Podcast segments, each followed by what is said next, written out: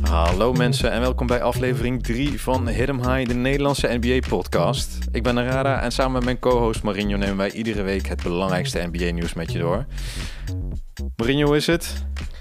Ik heb er zin in. Dus het gaat heel erg goed met mij. Uh, mede dankzij uh, een heel speciaal liedje wat ik al de laatste tijd heel vaak luister. Um, en dan ga ik zo verklappen welk liedje dat is. Oh, oké. Nou, spannend. Ja. Ook, ja. uh, ook bedankt voor het uh, oppassen op mijn uh, kinderen. Dus namens mijn vrouw en, en mijzelf, dankjewel dat wij even een weekendje weg konden. Graag gedaan.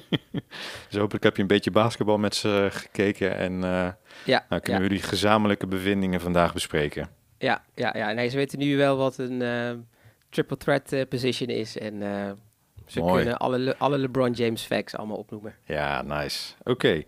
Hey, wat gaan we doen vandaag? Nou, vandaag hebben we best wel een vol, uh, vol programma. Ja. Uh, maar wel ook heel erg leuk. Uh, we gaan eerst beginnen met de shout-outs. We hebben weer wat reacties binnengekregen van mensen die, die luisteren. Dus dat wil ik graag benoemen. Mm -hmm. dan gaan we door naar het volgende onderwerp. En dat gaat over de, dat noemen we backstories. Ja. Oftewel, wat is nou gewoon de achtergrond van een, um, een bepaalde wedstrijd? En met wat voor soort lens kan je dan naar een wedstrijd kijken? dat is wel leuk om daar wat meer over te weten. Dan gaan we door naar het derde onderwerp. En dat, is, uh, dat zijn de resultaten van de MVP-poll die we hebben gedaan op Instagram. Miljoenen mensen hebben gevoot. Mm -hmm. Het is een hele interessante uitslag die we daar hebben gehad. Daar ga ik het ook nog uh, met jullie over hebben. En um, als laatste uh, de YouTube-kanalen die je zou moeten of kunnen volgen als je naast ons meer zou willen weten over de, over de NBA. En ja, dat eigenlijk. Ja, dus die nou, vier dingen gaan we doen. We hadden de vorige keer al eentje van weggegeven, maar uh, dat gaan we nu wat meer, ja. uh, wat meer inkleuren, toch? Ja, ja, gaan we doen.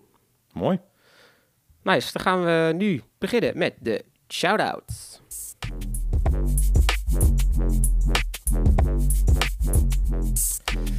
Right, uh, de shout-outs. We hebben weer een aantal uh, mensen gehad die ons een bericht hebben gestuurd via WhatsApp of via Instagram. Uh, dus als je zelf ook terug zou willen komen in deze shout-out, shout-out onderdeel van onze podcast, stuur ons dan vooral een berichtje. Het de podcast op Instagram. Allereerst shout-out naar Hanneke. Hanneke vindt het, yes, Hanneke vindt het leuk om naar ons te luisteren, zegt ze. Ze vond het leuk om onze item te horen over de jerseys. En vroeg zich ook af of we misschien wat meer konden vertellen over wat onze positie is ten opzichte van cheerleaders. Oké. Okay. Ik, ik, heb er zelf nog wel een mening over, wat ik daarvan vind. Uh, jij misschien ook. Dus laat dat vooral een keertje meenemen om uh, daar een onderwerp uh, over te maken. Oké, okay. welke kant zou dat op moeten gaan dan? Of we ze goed vinden of niet? Of het, ja. het fenomeen of het... Kan eigenlijk zo breed zijn als wat je wil. Okay. Ik kan alvast het tipje van de cheerleader sluier vertellen. Ik vind het echt verschrikkelijk. Oh. Okay. ja, stop er maar mee. Ja, oké. Okay. Dan hebben we nog een shout-out aan, uh, dan hebben we nog shout-out aan Tim, a.k.a. Big Blue Baum. Ja. Tim heeft ons namelijk uh, uh, wat extra informatie opgestuurd als het gaat om kijktips. Dus hij vond ons kijktips van vorige week heel interessant. En dat inspireerde hem om eigenlijk ook zijn input te geven over wat je bijvoorbeeld allemaal nog op Disney Plus en op andere kanalen kan zien. Um, dus ik dacht, hele fijne input, dus dankjewel daarvoor Tim. En laten we daar ook een blogpost van maken die we dan op onze website gaan zetten. Ja. Dus houd vooral ook dan onze socials, maar ook de website hiddenhigh.nl in de gaten. En dan kun je daar ook meer gaan zien over de kijktips die we voor jullie hebben. Dan nog een shout-out naar Arjan. Arjan stuurde ons namelijk via WhatsApp een uh, hele leuke infographic toe. En daar kon je heel duidelijk op zien wat het schotpercentage is van, uh, van alle teams. En wat daar heel erg opviel uh, op, dat, op dat plaatje, die we ook gaan delen via Instagram, is dat de Lakers ergens heel erg zielig onderaan bungelen met een heel erg laag schotpercentage. En liet me ook denken, um, het gaat dus niet zo lekker met de Lakers. Rada, jij als ontzettende LeBron James fan. Hoe gaat het met je zelfpijniging met de Lakers? Nou, ik ben nu sowieso mijn kansen aan het spreiden. Dus ik kijk ook naar wat andere teams. Zodat het allemaal mm -hmm. niet al te veel pijn uh, doet. Ehm, nou, nu weet ik niet wat de allerlaatste stand is, maar van het weekend eh, eh, was het al zo dat ze eh, drie wedstrijden verloren hadden, nul wedstrijden gewonnen. Dus het gaat gewoon niet goed. Nee. Ehm, en ja, inderdaad, in dat grafiekje bleek dat het, dat het drie punten schieten, dat dat niet lekker ging. Maar goed, dat vind ik meer een symptoom van een, van een algeheel verkeerde speelwijze. Ja. Als het inside niet lekker gaat, dan gaat het outside meestal ook niet lekker. En dan, ehm, eh, dus op het moment dat er te weinig, eh, te, te- weinig dreiging aan de binnenkant is, is ook Mhm. te weinig ruimte aan de buitenkant voor de schutters. En dan, ja, dan kan je nog praten over de kwaliteit van de schutters. Ehm, maar dat, eh, ja, dat samen maakt of je een winnend team bent of niet. Nou, dat zijn ze op dit moment niet. Dus dat is eigenlijk eh, makkelijk. Dus ja, nou, het doet wel pijn. Ja, ja, ja. ja. Wat ehm, nog een fun fact is over de Lakers. Ik weet niet of je deze al wist. Maar Mhm. eh, Russell Westbrook is verhuisd. Ja, Weet je waar hij woont? Nee. In dezelfde straat als LeBron James en dan precies tegenover hem. Oh, oké. Klinkt een beetje als een flauwe grap, maar dat is het niet. Ja. Het is, eh, volgens mij was hij vorige week eh, verhuisd tijdens je vakantie. Oké. Nice. Dan gaan we niet door naar de volgende random fact. Nee, nog shout-out naar eh Kajai. Kajai had ons ook via ehm, WhatsApp een bericht gestuurd over wat hij van de podcast vond. Hij vond het ook heel fijn om naar te luisteren. Hij is heel goed op de hoogte. En hij gaf aan, wil ik ook nog met jou delen, Rada. Eh, hij had een, eh, een voorstel over dat we een eh, top 3 lijst gaan maken met de mooiste momenten in de NBA tot nu toe. Ja. En als we dan iedere week eh, een moment erbij doen, en wat dus ook wil zeggen dat er een moment af moet. En zo heb je dan aan het einde van de rit eigenlijk de aller drie mooiste momenten van, eh, van het hele seizoen. Oké, nou, leuk idee. Moet je wel even Ja. een coole naam eh, voor verzinnen. En dan gaan we het Ja. zeker doen. ja, ja, ja, ja. Vind ik ook een, eh, vind ik ook een goede deal. Eh, nou, dat was het voor de, voor de shout-outs. Wil je nou ook een shout-out? Laat ons vooral weten via Instagram, eh, eh, via Hidden de podcast. En dan hoor je zelf misschien volgende week terug. En dan gaan we nu door naar de volgende onderwerp. En dat zijn de backstories.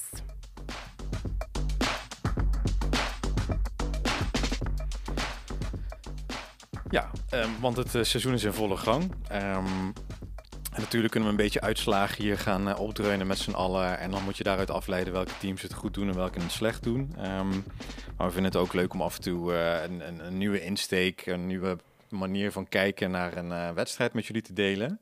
En nu wilden we dat doen met, met de backstories. Dus we gaan een aantal wedstrijden met jullie bespreken. Ehm, en daarbij vertellen wat, ja, tegen welke achtergrond zich dat ja, verhaal, drama zich heeft voltrokken. Ehm, maar eh, voordat we dat gaan doen, ehm, wil jij eerst even wat vertellen over de wedstrijden die de moeite waard waren, überhaupt, toch? Of niet, Ja. Marinho? Ja, vertel. Ja, zeker. Dus ik dacht ook voordat we de verhalen vertellen achter twee wedstrijden, eentje die jij hebt uitgekozen, eentje die ik heb uitgekozen, Mhm. heb ik ook nog gekeken eh, naar wat nu voor de echte NBA diehard fans die eh, ook naar ons luisteren. Wat zijn nu de top drie beste wedstrijden die je zou moeten kijken op basis van mijn eigen inzicht, maar ook van wikihoops.com. Ja. Maar ehm, eh, nummer drie is de Raptors versus de Nets van vrijdag 21 oktober. Dat is de moeite waard. Bucks versus Sixers van donderdag 20 oktober. En op nummer 1 staat de Blazers tegen de Lakers van zondag 23 oktober. En nu kan ik me ook voorstellen dat jullie nu denken... Oké, leuk lijstje, maar waarom is dit dan een... eh, waarom zijn dit dan boeiende wedstrijden om te kijken? Wil ik jullie graag vertellen, maar ik wil voor de diehards niet het meteen gaan spoilen. Dus eh, ja, geen spoilers. Dus ik ga niet vertellen waarom je ze moet kijken, maar kijk ze toch maar. Oké, mooi. Nou, nu heb ik ehm, stiekem na twee wedstrijden met extra Mm. aandacht gekregen, eh, gekeken. Mhm. Ehm, eentje was eh, vlak na de vorige podcast, de Dallas Mavericks tegen de, eh, tegen de Grizzlies.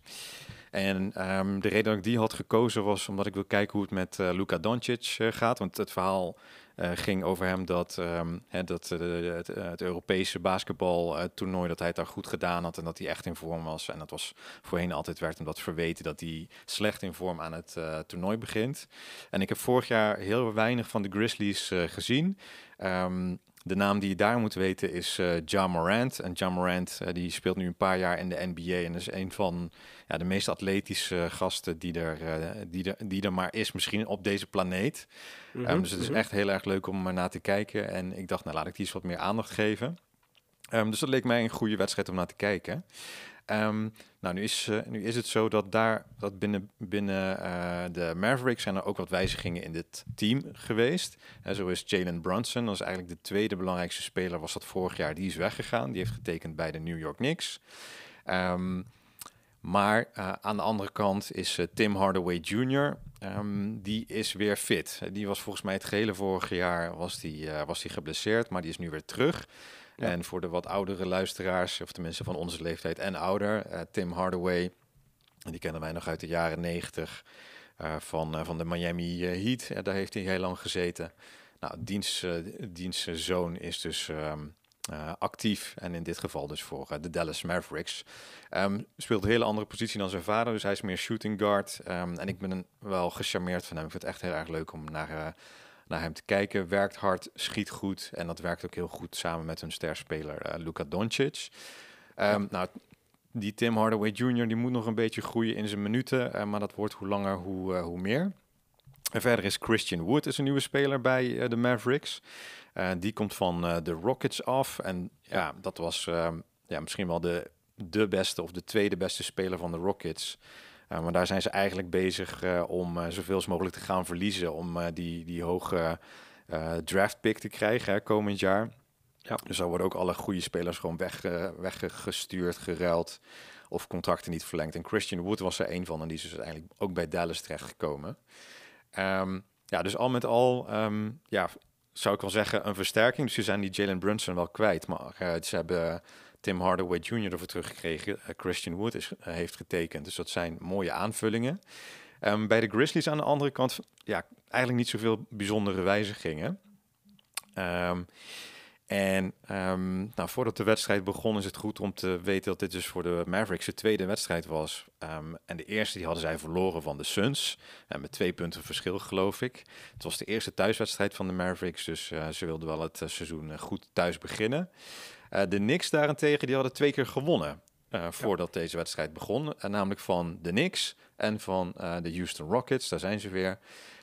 maar die wedstrijd tegen de Rockets was de avond ervoor. Hè? Dus er was een back-to-back -back wedstrijd, noem je dat dan, als je op de ene en op de andere avond moet spelen. Mm -hmm. um, komt meestal de kwaliteit van de tweede wedstrijd niet ten goede, omdat je toch moe bent. maar goed, we gingen kijken. Nou, heel lang verhaal, uh, kort.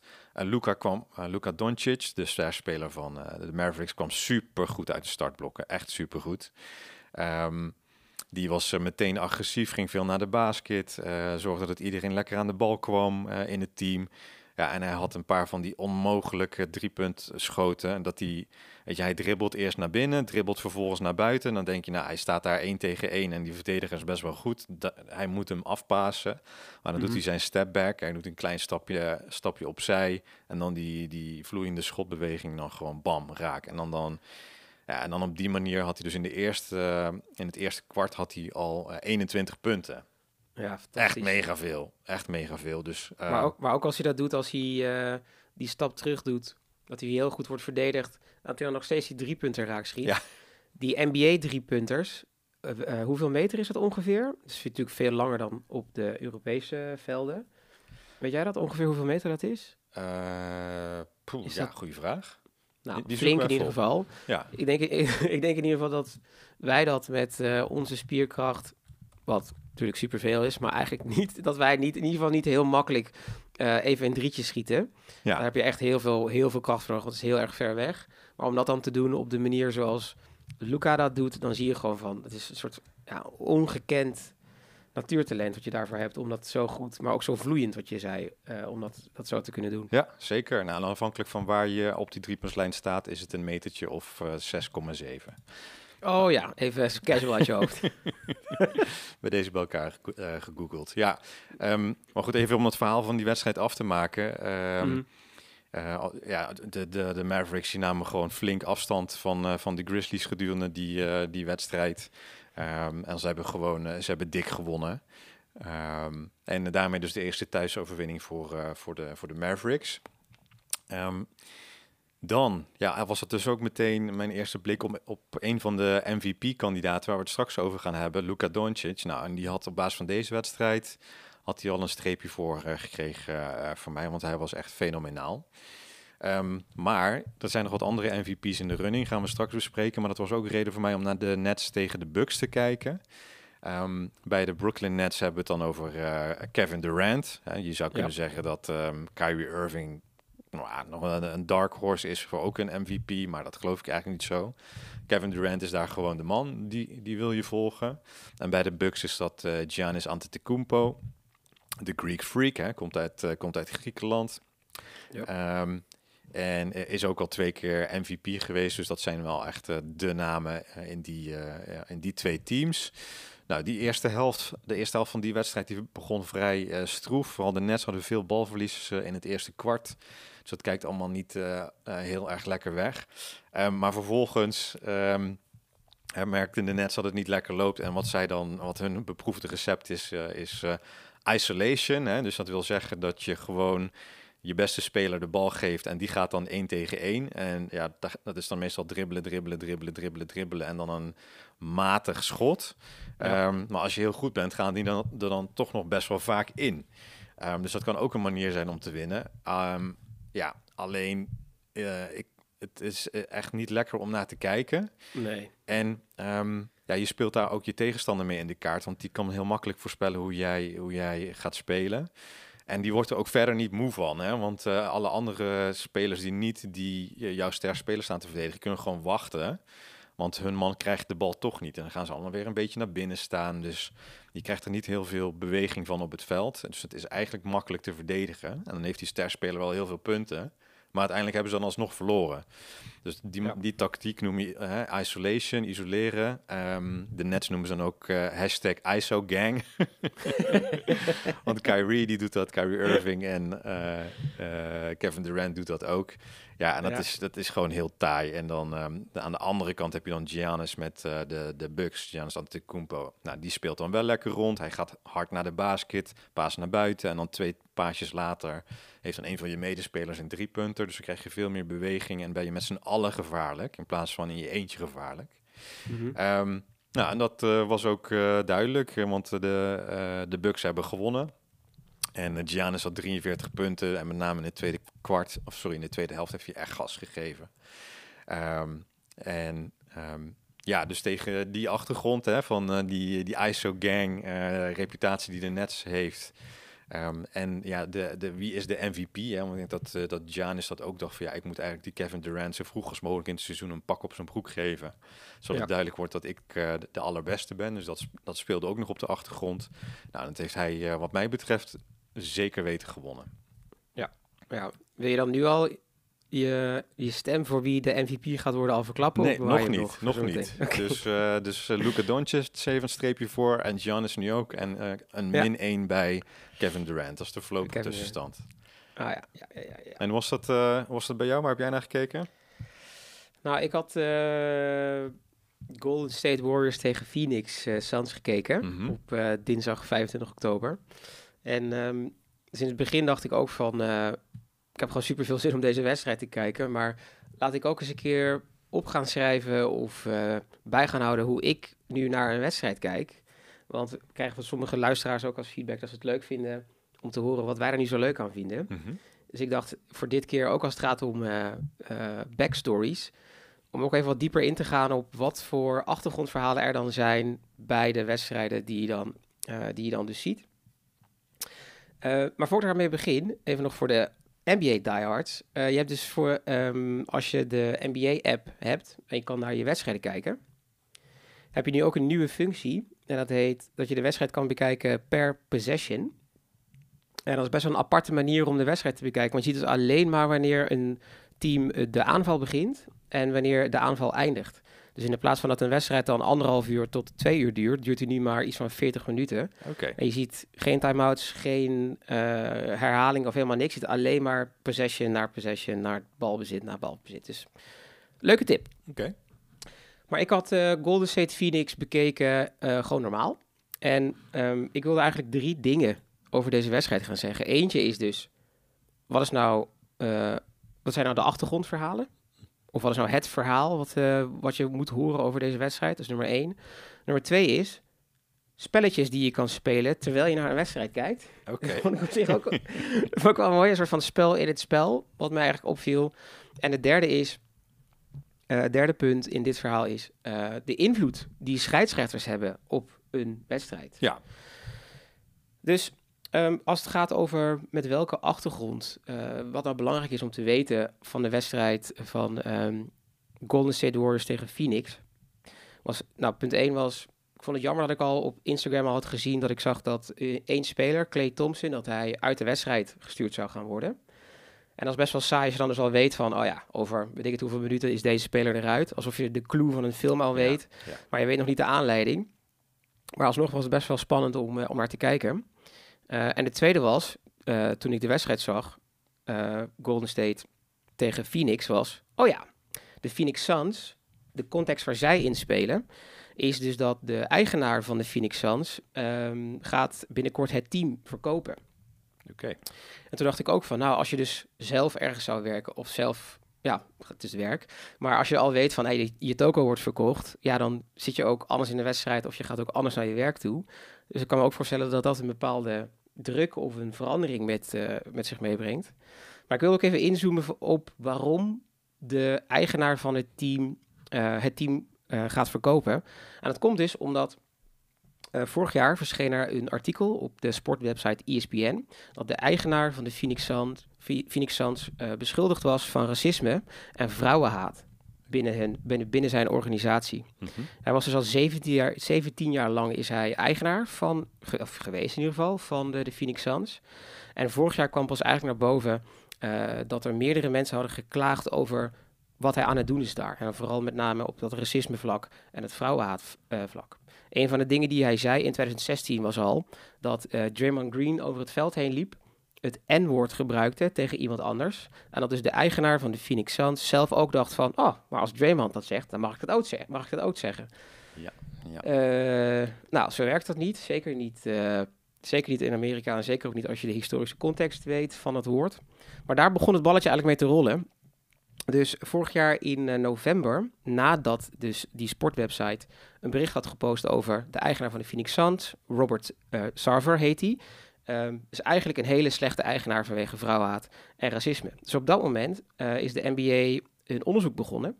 Eh, en hebben ze 70 mensen van de Phoenix Suns, eh, werknemers en ex-werknemers, hebben ze gevraagd ehm, of ze die mensen mochten interviewen om er eigenlijk achter te komen of het klopt dat het zo is. De mensen die werden geïnterviewd waren bang, want sommigen werkten daar nog en dachten van ja, als ik nu ga lopen klikken tegen de grote baas, dan verlies ik mijn baan. Ja. Dus voordat, voordat het onderzoek kon beginnen, moesten mensen eerst nog een soort eh, non-disclosure agreement die ze hadden getekend, moesten ze laten ontbinden. Maar terwijl ze dus daarmee bezig waren om zo'n eh, contact te laten ontbinden, ging dus al de vrouw van Robert Saver, die de eigenaar is, berichten sturen naar alle huidige medewerkers dat ze eigenlijk hun mond moesten houden en niks mochten zeggen erover. Dus daar begon eigenlijk al Oh de jee, drama. Oh jee. Op een gegeven moment was het gelukt. Iedereen gaat het verhaal doen. En op een gegeven moment was de conclusie eh, dat de NBA zei... Nou, we hebben het onderzoek gedaan. We kunnen bij deze bevestigen dat de eigenaar eh, eh, heel veel dingen heeft gedaan om een onveilige werksituatie te creëren. Vrouwenhaat werd bevestigd, racisme werd bevestigd. En de straf die de eigenaar kreeg was één jaar schorsing en een boete van 10 miljoen. Nou, ik denk voor jou en mij is dat superveel. Maar Ja. voor, je moet wel heel goed weten dat zo'n eigenaar van zo'n NBA-team... Ja, dat zijn biljonairs vaak. Ja, precies. Dus, eh, Dus geld. één, Ja. jaar, één jaar schorsing en 10 miljoen is, is peanuts. Dus is helemaal niks. Het mooie daarvan was eh, dat op een gegeven moment wel jouw sterspeler, LeBron James, Mhm. een van de eerste mensen ook wel, die zich ging uitspreken tegen zo'n eigenaar. Dus LeBron James zei ook van ja, dit kan niet, deze straf is te laag. Die eigenaar moet er nu al meteen uit. Eh, anders gaat het echt de verkeerde kant op met de NBA. En daarna was het een andere speler, Chris Paul heet hij, CP3 wordt hij ook wel genoemd, die, zich, eh, die ook onderdeel is van de Phoenix Suns. Die zich ook uitsprak tegen de eigenaar van dat team om te zeggen van, hé, hey, deze man moet eruit. Want het bizarre was dat CP3 dus al voor de tweede keer een verhaal meemaakt dat hij bij een ander team zat en dat daar ook de eigenaar racistische dingen heeft gezegd. Dus voor Chris Paul was het al de tweede keer dat hij Ja? op die manier een eigenaar tegenkwam. Eh, dus ik had nog even teruggeluisterd naar de eerste keer dat Chris Paul eh, issues had met de eigenaar. Dat de eigenaar ook de token moest gaan verkopen. Dat was bij de LA Clippers. Mhm. Ehm, oh, ik ben even zijn naam kwijt van hoe hij ook alweer heet. Ik kom er zo, ik kom er zo meteen wel even op. Maar die eigenaar zei toen tegen zijn toenmalige vriendin... eh, die had echt problemen met dat zijn vriendin zwarte mensen meenam naar de wedstrijd. Ja, En dat zei hij hardop. Dat is toen opgenomen. Sterling, dat hebben ze toen Donald Sterling. Sterling, ja, dankjewel. Donald Sterling heeft dat gezegd. En er is een eh 10 minuten YouTube-clip van te vinden van dat hele telefoongesprek, waarbij Donald Sterling echt ongekend racistische dingen aan het zeggen is. Nou, dat is gelekt. Toen moest hij weg. Nu zit dus Chris Paul bij een ander team en er komt weer een eigenaar tegen die allemaal van dat, gekke, dat soort gekke dingen zegt. ja. Long story short, ik ben echt best wel blij dat dus de eigenaar van dat team nu heeft besloten om dat team te gaan verkopen. En dat hopelijk dus de Phoenix Suns dan nu eh, ja, een betere eigenaar zouden kunnen krijgen die het team gaat kopen. Maar toen was de wedstrijd nog niet eens begonnen. En dan was ik al met mijn hele gedachte van, eh, om, eh, om de context even goed te hebben van waarin die wedstrijd zich afspeelt. Nou, om door, te, om door te gaan naar het tweede punt. Spelletjes die je kan spelen terwijl je een wedstrijd kijkt. Dus dit was ook vooral tijdens de warm-up dat me iets opviel. Ehm, de muziek viel me meteen op. Hè? Vorig jaar hadden we het ook over dat we eh, veel van NBA, NBA weten, maar ook veel van muziek. Dus ik was meteen aan het letten op de achtergrondmuziek. En wat eh, de Phoenix Suns bijvoorbeeld doen, is iedere keer als ze raak schieten, dan hoor je dat geluidje wanneer je je USB-stick steekt in een eh, Windows-PC. Doem zeg maar zo'n vrolijk geluidje. Ja. Dus iedere keer hoorde je dat. Vond ik al best wel irritant. Maar wat ik ook leuk vond, is dat dus de NBA omarmt de hip-hop scene heel erg. Dus je hoort heel Ja. veel oude hip-hop, je hoort heel veel nieuwe hip-hop. Soms hoor je van die super oude nummers, van die. eh, wat is het? Ice, Ice Baby. Ding, Ja. ding, ding, ding. Maar ik echt denk, oké, heb ik hier niet super veel zin in. Maar aan de andere kant hoorde ik ook Who Shot van Biggie. Ik hoorde Mob Deep met Shook Part 2. Dus ik dacht op een gegeven moment, oké, misschien gaan we nu wel C Murda horen. Eh, wat wat eh, dus vorige week voor ons het nummer van, eh, van de week eigenlijk was. Ja. Dus ik ging meteen opletten van, hey, dit is op zich wel leuk om eh, misschien een spel met jezelf te spelen waarvan je denkt, ik kan van met mijn vrienden alvast een nummer afspelen of onthouden. Van ik denk, oké, dit is misschien iets wat ik zo meteen ga horen. En dan ga je ook actiever letten op iedere keer wanneer een team de bal heeft. Want dan hoor je weer een leuk liedje en dat maakt de wedstrijd ook, ehm, ook veel interessanter. Eh, dus op een gegeven moment toen ik daar ook mee over aan het nadenken was, dacht ik van wat kan nu nog meer een leuk spel zijn? En ik heb zo meteen een vraag voor je. Ja. Om, om een of andere reden moest ik denken aan Keeping Up with the Kardashians. Ik had laatst een aflevering ervan gezien. Echt heel erg bizar. Eh, Keeping Up with the Kardashians, oftewel het bijhouden van wat de Kardashians allemaal doen. Toen dacht ik, hé, maar dat idee van Keeping Up with the Kardashians, dat zou je eigenlijk ook op het veld kunnen doen. En wat ik daarmee bedoel is, je kan eigenlijk per spel wat je kijkt je afvragen welke NBA-speler iets gedaan heeft, een relatie heeft gehad met iemand die eh, speelt in de serie Keeping Up with the Kardashians. Ja. Dus mijn vraag aan jou, Narada, is: als je even nagaat bij de Phoenix Suns, wie is daar de speler die iets, een relatie heeft of iets doet met iemand van de Kardashians crew? Devin Booker. Ja, en weet je dan ook, weet je ook, oké, als jij dat weet, oké. Devin Booker. Weet je ook met wie hij een relatie heeft? Ja, heeft of eh, had. Oh, heeft, in Geen geval, idee. eh, Kendall Jenner, daar, daar had hij of heeft hij iets mee. Of niet? Even kijken of ik kan bezoeken.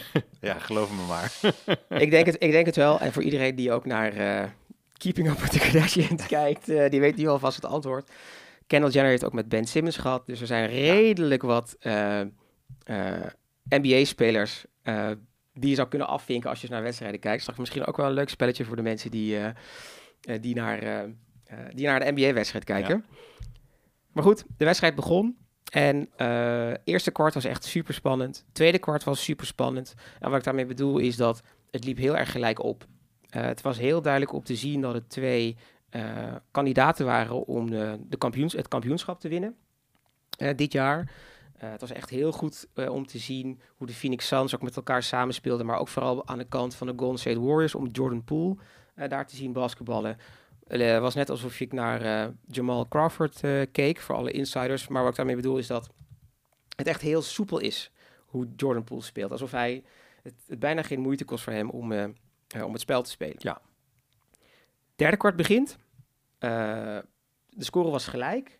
Dus ik had er heel veel zin in. Dus ik dacht, nu gaat het gebeuren. We krijgen misschien een hele mooie ontknoping. Of we gaan zien wat het gaat, eh, welke kant het op gaat. En toen was het een technische fout regen. Het was ongekend veel hoeveel technische fouten er werden gegeven. En een technische fout, wat ik daarmee bedoel, is...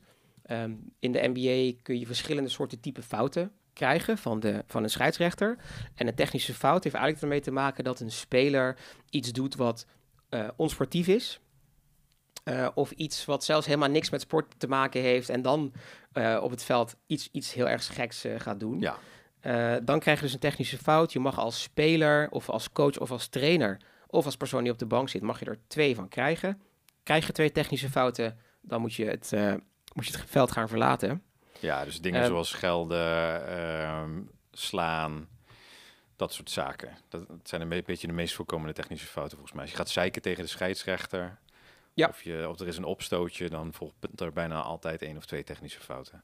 Ja, klopt, klopt. En dat kan soms ehm, heel snel gaan. En dat was ook het geval dus in deze wedstrijd. Dus toen het eh, derde kwart eh, begon, ehm, regende het dus op een gegeven moment technische fouten. Ja. Begon er al bij dat eh, Draymond Green, dus de meneer van de vechtpartij van de vorige keer, die kreeg een technische fout. Daar was de coach van de Golden State Warriors, Steve Kerr, heel boos over. Kreeg daarna ook een technische fout van de scheidsrechters. Je kreeg een dubbele technische. Ietsje later waren Clay Thompson en Devin Booker, van Kendall Jenner dus, die, eh, die kregen beide ook een technische fout. Dus op een gegeven moment zat je al op vier technische fouten binnen drie of vier minuten. Ja, Dat escaleerde tot zo'n niveau dat je dus zeven technische fouten kreeg in één kwart. En dat is het meest aantal technische fouten in een kwart sinds het seizoen van 1996 en 1997. oké. Dus dat is 26 jaar geleden dat er dus zoveel technische fouten in één wedstrijd werden gegeven. En het was ook de allereerste wedstrijd ooit voor de speler van de Golden State Warriors, voor Clay Thompson, dat hij het veld werd uitgestuurd. Ja. Dus het was echt een te bizarre wending om in dat derde kwart van een heel gelijkspel, wat heel spannend was, te kijken naar een wedstrijd wat dus wordt overgenomen door scheidsrechters. En dat is echt een van de meest vervelende dingen om te zien. Dat je de spelers niet gewoon een ding laat doen, maar dat er gewoon een hele wedstrijd wordt omgedraaid door, eh, door, door het scheidsen. Maar, echt maar waren, ze, waren ze niet terecht, die technische fouten, wat jou betreft? Nee, nee, sommige die. eh, het is ook dat je heel. eh, ik heb ook het idee dat soms die scheidsrechters zich bedreigd voelen. Of dat ze voelen dat ze eh, de draad een beetje kwijtraken of de grip kwijtraken over zo'n wedstrijd. Ja. En dan gaan ze dan voor hele kleine dingen gaan ze dan ineens technische fouten roepen of, of fluiten. Ja. Eén daarvan was bijvoorbeeld de technische fout van eh, Chris Paul, CP3, die dus bij de Clippers zat, die nu al twee keer dan Hm. ehm, een slechte eigenaar van een team heeft meegemaakt. Wat hij deed was dat hij een normale fout kreeg. Hij keek naar de scheids en hij deed met zijn handen een soort beweging van... waarom krijg ik deze fout? Nou, en die handbeweging was al voldoende om een technische fout te krijgen. Ja, Onzin, al zeg ik het zelf. oké. Eh, dat was jammer. Dus vanaf het derde kwart, even lang verhaal kort, was dus die hele wedstrijd omgegooid. Golden State had één speler minder, want Clay Thompson was weg. Iedereen was eigenlijk best wel bedrukt al door, die, eh, door hoe de scheidsrechters bezig waren. Op een gegeven moment stonden de Phoenix Suns 13 punten voor. Wedstrijd was gespeeld. Eh, Phoenix wint. Jammer. Einde. Maar Ja. wel een goed voorbeeld van hoe dus eh, een scheidsrechter of drie, zijn er meestal drie op een veld, ineens een hele wedstrijd domineren. En dan is het gewoon heel zonde om naar te kijken. Nou, zo zie je maar. Dus ik kan... was het een groot verschil op het eind? Of, ehm, Ik weet het niet, want ik heb het halverwege eh, het vierde kwart heb ik het afgezet. ja, Want ik was zo aan het balen van echt die scheidsrechters, blijf gewoon van het spel af en eh, laten we gewoon het spannend zijn zoals het is. Eh, dus ik weet, ik heb eerlijk gezegd, ik weet gewoon het einde niet. Ja. goed. Maar Suns winnen. Eind, Mhm. Ja, maar zo Ja. zie je maar dus, eh, dus er kan een eindstand ergens eh, eh, op een lijstje staan, maar dit is dus wat er allemaal wat erachter speelt. Ja. Ehm, dus veel meer dan alleen maar een overwinning voor, voor de Suns. Ehm, Oké, hey, zullen we naar de volgende gaan? Yes, yes. Ja, we gaan, we gaan samen even kijken naar een aantal ehm, YouTube-kanalen die wij aanraden. En dan mag jij zo gaan, gaan aftrappen. Ja, dat is goed. De YouTube-kanalen die je zou moeten volgen. Ja. Ehm, ik heb een lijstje gemaakt met eh, drie. Eh, en Rada, je hebt er ook eh, drie als het goed is. Ja, ik heb nog, ik heb nog twee reserves, zeg maar. Oh, twee als backup, twee als backup. Ja, Yes, nou we hadden vorige keer al één kanaal behandeld. Eh, dus ik dacht, nu laat ik er sowieso drie andere pakken. Mhm. Mijn eerste YouTube-kanaal die je zou moeten bekijken is Trees. En dat spel je T-R-E-E-S-E. Ehm, nog niet zo'n super grote YouTuber. 150.000 eh, volgers. En dat is in de NBA-wereld ja, natuurlijk op zich best wel oké, maar nog steeds niet superveel. Maar de reden waarom ik vind dat hij eh, interessant is om, eh, om zijn video's te bekijken, is omdat hij heel veel G-League spelers behandelt. Ah. En de G-League moet je zien als ehm, het, ja, hoe zeg je dat nou? Het niveau net onder de NBA. Ja. Dus het zijn ehm, eh, ehm, dochterondernemingen of dochterteams van de grote NBA-teams. Ja. Waarbij ze eigenlijk een soort B-team hebben. En dat is ook een talentpool waar ze dan de beste mensen daar uithalen. En die kunnen dan een eh, contract krijgen dat je dus en in de NBA mag spelen, maar ook in de G-League. Ehm, en het is eigenlijk best wel leuk om naar van die up-and-coming sterren te kijken, want we kunnen het heel vaak hebben over Kevin Durant, LeBron James en allemaal dat soort dingen. Maar Trees, eh, die laat dus heel veel zien over de, eh, de G-League. Ja. Vind ik heel leuk. Maar dan moet je wel een Eh, beetje de- hardcore zijn, hè? Dus als je... Ja, ja. als je echt als je op, alle, op alle mensen vooruit wil lopen met de talenten die er aankomen, dan is dat wel een goeie. Ja, klopt. Maar ook als je dus heel veel tijd eraan wil ja, verbranden, want heel veel mensen halen het nooit. Maar ik vind het wel leuk om... Ja, de- als je echt van underdog verhalen houdt, dan moet je dat Ja. wel zien. Oké. Gaan we door. Nummer twee. Eh, voor mij is het eh, YouTube-kanaal van JJ Redick. JJ Redick is een ex-NBA-speler. Ja. En hij heeft een eh, podcast-interview-stijl kanaal wat hij heeft. En het toffe wat hij doet, is omdat hij dus een vorige NBA-speler is met ook goede connecties, maar hij kan ook gewoon heel goed interviewen, zijn andere huidige NBA-spelers, maar ook coaches sneller geneigd om bij hem langs te komen en gedetailleerde vragen te beantwoorden. Ja. Ehm, en het is ook gewoon leuk om twee of drie mensen te zien die echt veel van basketbal weten, om dan met elkaar in gesprek te gaan. Ja, maar dat is Dus, eh, sowieso een trend, hè? Dus dat oud-spelers hun eigen podcast beginnen, want technisch eh, kan het allemaal toch vrij makkelijk. Mhm. En waardoor ze dus minder afhankelijk zijn van de mainstream media om hun eigen verhaal eh, te vertellen.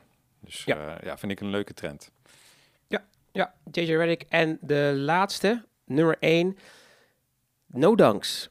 No Dunks is eh, eh, een hele grappige versie van eh, NBA-journalistiek. het zijn eh, drie eh, mannen die al 18 jaar met elkaar samen een podcast maken. Eh, dus je merkt ook wel dat ze heel erg op elkaar zijn ingespeeld. En zij zijn vaak eh, meer van de grappige dingen van de NBA. Dus ze hebben het ook over de dingen die je echt zou moeten weten. Maar zij kijken ook heel erg naar ehm, eh, dingen die andere mensen niet zo snel zullen, zouden behandelen. En dat is een stuk Dus, frisser dan zeg maar de eh ESPN, eh, Fox Sports. Het is allemaal wat, wat meer traditionele manier van eh, sportverslaggeving. Ze hebben het dan net even met een eigen twist. Dus die, eh, ja, dat is eigenlijk mijn eh, top drie. Ja, leuk. Trees, JJ Redick en eh, op nummer 1 No Dunks. Nou, ik wil er graag twee aan toevoegen. Dus dat is eh, ehm, Basketball Breakdown, heet het kanaal. Hm. Ja. Ehm, dat is misschien wel een van de grootste eh, na de mainstream eh, kanalen van ESPN en Fox Sports. Eh, de beste man heeft bijna eh 850.000 eh, volgers. Ehm, en hij is een echte analyticus. Hè? Dus ehm, hij pakt beelden erbij in slow motion, kruisjes, pijltjes en eh, allemaal dat soort dingen gebruikt hij om bepaalde situaties uit te leggen en te analyseren. Statistisch gaat hij best wel diep. Dus dat is echt wel, we- tenminste, ik vind dat heel prikkelend, omdat het wat dieper gaat dan, eh, ja, ja, noem het even die traditionele eh, sportjournalistiek die dan heel bazaal statistieken geeft en vervolgens alleen maar een mening geeft. Gaat hij net even één spade dieper. Ehm, en probeert hij ook juist soms te, te debunken. Hè? Bijvoorbeeld Westbrook, daar zegt iedereen van ja, dat is een pannenkoek. Maar eh, je kan ook op een manier naar zijn spel kijken dat het niet zo'n pannenkoek is. En dan kan je uiteindelijk wel goed eh, beslagen ten ijs komen en zeggen ja, ik vind, het wel, ik vind hem wel of niet goed om deze en deze redenen. Dus daar, hij voegt echt wat toe aan die discussie. En zo positioneert hij zijn kanaal ook. Dus hij zegt, eh, het, is een, het is geen kanaal, het is een discussie. Dat is een beetje zijn tagline. Oh, Nou, ja. Dat is wel leuk. Ja, ja. Ehm, en dan heb, je, heb ik nog DJ Michi Meech. Eh, dat is echt heel iets anders. En die pakt gewoon... ehm, eh, ja, die knipt en plakt NBA-beelden en dan zet hij dan eh, stemmetjes onder en, en slapstick geluidjes, weet je, van die zweepjes en zo.